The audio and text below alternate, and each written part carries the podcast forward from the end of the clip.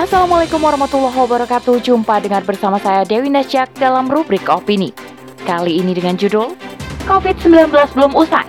Hepatitis akut mengintai oleh Suwaibah Al-Aslamiyah. Belum pulih bumi pertiwi ini dari guncangan pandemi COVID-19. Muncul lagi penyakit lain yang mengintai. Hepatitis akut menjadi jalan atas terenggutnya beberapa nyawa dalam kurun waktu singkat. Digadang-gadang, penyakit ini akan menjadi pandemi selanjutnya, mengingat kemunculannya serentak di berbagai negara.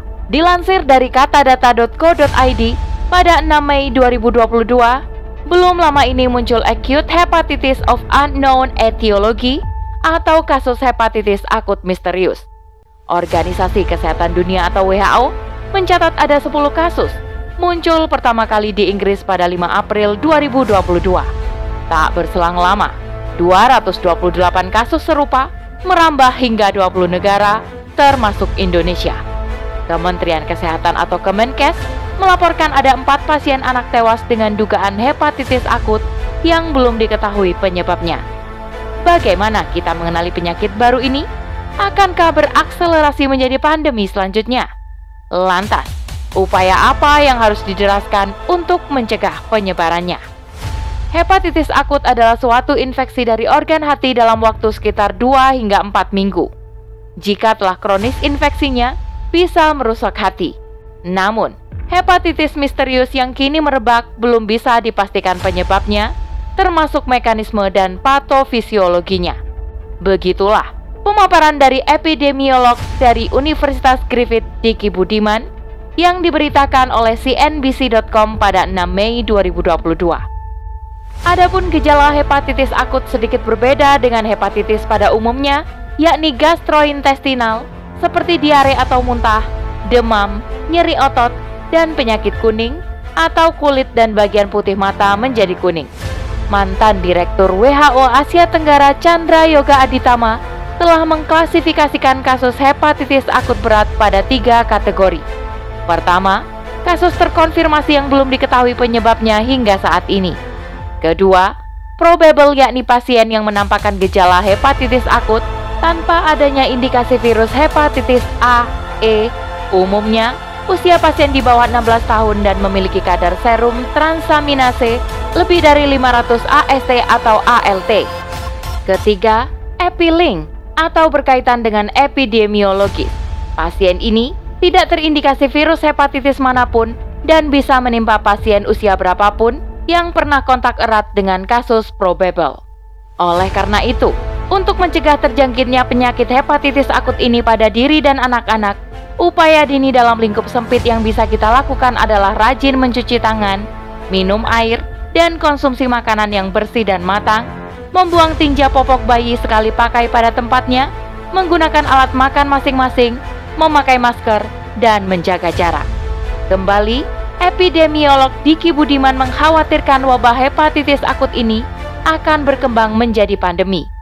Pasalnya, anak-anak Indonesia sangat rawan terjangkiti penyakit ini lantaran kasus gizi buruk dan stunting anak di bawah usia 5 tahun meningkat tajam di masa pandemi COVID-19. Bahkan, persoalan sanitasi di Indonesia yang masih jauh dari kata ideal. Beredarnya info hoax pun menjadi persoalan pelik di tengah masyarakat Kebingungan masyarakat dalam merespon wabah ini menjadikannya rentan untuk terpengaruh informasi yang keliru sehingga menghambat progres penanganan wabah. Jika tidak ditertibkan, hal ini akan mempercepat transformasi wabah menjadi pandemi. Ketua Presidium Mavindo Septiaji Eko Nugroho mengimbau pemerintah mulai menerbitkan informasi pre-banking untuk menangkal hoaks atau misinformasi soal hepatitis akut. Caranya, dengan melakukan deteksi dini dan prediksi terhadap hoax. Sehingga sebelum hoax itu tersebar luas, pemerintah sudah bisa mengklarifikasi atau mengedukasi masyarakat tentang info yang valid. Keberadaan penyakit merupakan sunatullah, bagian dari lembaran perjalanan manusia.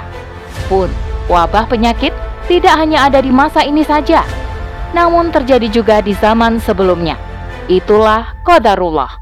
Sebagai orang yang beriman, kita harus ridho terhadap keputusan Allah Subhanahu wa taala sambil terus berintrospeksi, bisa jadi wabah ini muncul disebabkan karena ulah manusia itu sendiri. Namun demikian, kita tak boleh pasrah begitu saja menghadapinya, apalagi berkelakar hingga meremehkan wabah ini sehingga melalaikan penyelesaiannya. Walhasil, wabah yang seharusnya bisa teratasi dengan cepat dan tepat justru malah menjadi pandemi berkepanjangan. Pandemi COVID-19 seharusnya menjadi tamparan keras atas ketidakseriusan pemangku kebijakan di negeri ini dalam mengantisipasi wabah.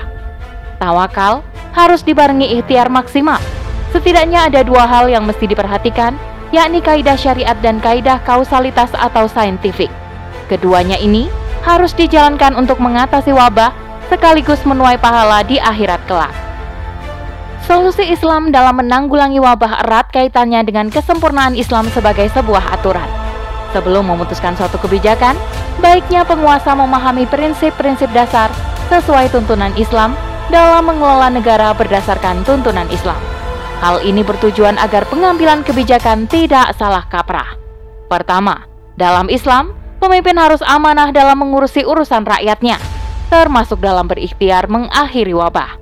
Sebab, Allah akan memintai pertanggungjawabannya di akhirat kelak.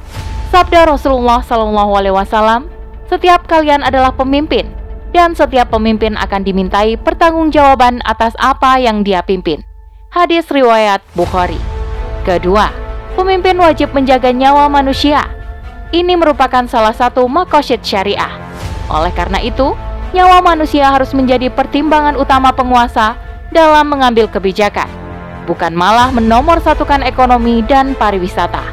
Maknanya, jangan sampai menunggu rakyat tewas bergelimpangan gegara terjangkit penyakit, baru kemudian mengambil tindakan. Sebab, hilangnya satu nyawa muslim lebih berat dari hancurnya dunia dan seisinya. Ketiga, pemimpin harus menyolusikan berbagai masalah dengan landasan akidah dan syariat Islam. Sejatinya, manusia itu adalah makhluk yang lemah dengan segala keterbatasannya. Sunatullahnya, dia tidak akan mampu menyelesaikan problematika dengan akalnya sendiri. Oleh karena itu, butuh bimbingan wahyu Allah Subhanahu wa taala agar bisa menemukan jalan keluar cepat, tepat dan berbuah pahala serta keberkahan dunia akhirat. Keempat, menetapkan mekanisme anggaran yang memadai dan prosedur administrasi yang cepat dalam penanganan wabah. Penanganan wabah tanpa didukung anggaran dan administrasi yang mumpuni itu hanya jadi omong kosong belaka. Jika penguasa masih berhitung untung rugi ala kapitalisme dalam menggelontorkan dana dan mempersulit administrasi dalam mengatasi wabah, maka dapat dipastikan kematian akan bertambah banyak dan wabah hepatitis akut ini akan berkembang menjadi pandemi. Nauzubillah min zalik. Untuk mengatasi wabah hepatitis akut, sekaligus mencegahnya menjelma menjadi pandemi berkepanjangan, semua pihak yakni penguasa dan rakyat mesti bersinergi. Adapun tugas negara, yakni segera menentukan pusat wabah dan mengisolasinya agar wabah tidak meluas. Sebagaimana titah Rasulullah SAW, jika kalian mendengar wabah terjadi di suatu wilayah, janganlah kalian memasuki wilayah itu. Sebaliknya, jika wabah itu terjadi di tempat kalian tinggal, janganlah kalian meninggalkan tempat itu hadis riwayat Bukhari. Tak lupa, negara pun harus menjamin semua kebutuhan dasar masyarakat yang daerahnya terisolasi. Konsekuensi dari isolasi pusat wabah adalah aktivitas masyarakat di luar rumah nyaris terhenti, termasuk dalam mencari nafkah. Di sinilah negara harus hadir secara real dalam mengayomi rakyat, menjaga nyawa rakyat dari wabah penyakit dan kelaparan. Negara pun harus bertanggung jawab dalam merawat, mengobati, dan melayani orang-orang yang sakit di daerah wabah. Caranya dengan memperkuat dan meningkatkan sistem, fasilitas, dan tenaga kesehatan serta obat-obatan. Semua pelayanan kesehatan itu diberikan secara cuma-cuma kepada rakyat. Haram hukumnya mengomersialkan apa-apa yang menjadi hak rakyat. Negara pun berkewajiban dalam hal mendorong dan mendanai para ilmuwan untuk melakukan penelitian dalam menemukan obat atau vaksin dengan cepat dan tepat. Sebagaimana diketahui, virus mengalami mutasi, sehingga sangat dibutuhkan pengembangan vaksin dan obat dalam penanganannya. Untung rugi secara finansial tak boleh jadi pertimbangan negara dalam hal ini. Negara harus ketat mengisolasi daerah wabah, namun tetap membiarkan wilayah lain yang tidak terinfeksi untuk tetap produktif. Jangan sampai dipukul rata Hal itu dilakukan demi menopang daerah lain yang terdampak wabah. Demikianlah tugas negara dalam mengatasi wabah. Lantas, apa saja tugas rakyat dalam menanggulangi wabah? Tentu saja, rakyat wajib menaati segala kebijakan pemerintah yang sesuai syariat Islam serta protokol kesehatan atas dasar ketakwaan kepada Allah Subhanahu wa taala. Ketaatan pada Sang Khalik akan mampu memutus rantai wabah sekaligus menuai pahala berlipat. Rakyat pun harus bersabar dan senantiasa berikhtiar, tidak pesimis apalagi berputus asa ketika wabah ini menimpa diri dan lingkungan sekitarnya. Sebab ini adalah kode Allah Subhanahu wa taala yang diterima dengan keridoan. Inilah sikap yang akan mampu meningkatkan imunitas diri dan masyarakat. Tak lupa, Islam mengajarkan masyarakat untuk saling membantu, terlebih di masa-masa sulit. Solidaritas ini harus dipelihara sedemikian rupa agar masyarakat tidak stres dan merasa dibebani ketika tertimpa wabah. Kontribusi semua pihak akan mempercepat berakhirnya wabah hepatitis akut ini. Kasus hepatitis akut misterius ini tidak bisa dipandang sebelah mata. Jangan sampai kelalaian pemerintah mengantarkan wabah ini menjadi pandemi berkepanjangan. Belajarlah dari pandemi COVID-19. Terimalah masukan dari pakar kesehatan pun tuntunan Islam dalam mengatasi wabah Komitmen untuk membumikan aturan Sang Kholik akan menghindarkan negeri ini dari kepayahan, kekacauan, dan kepunahan. Wallahu a'lam bisawab. Demikian rubrik opini kali ini. Sampai bertemu dalam rubrik opini selanjutnya. Saya Dewi Nasya kundur diri. Aku minkum wassalamualaikum warahmatullahi wabarakatuh.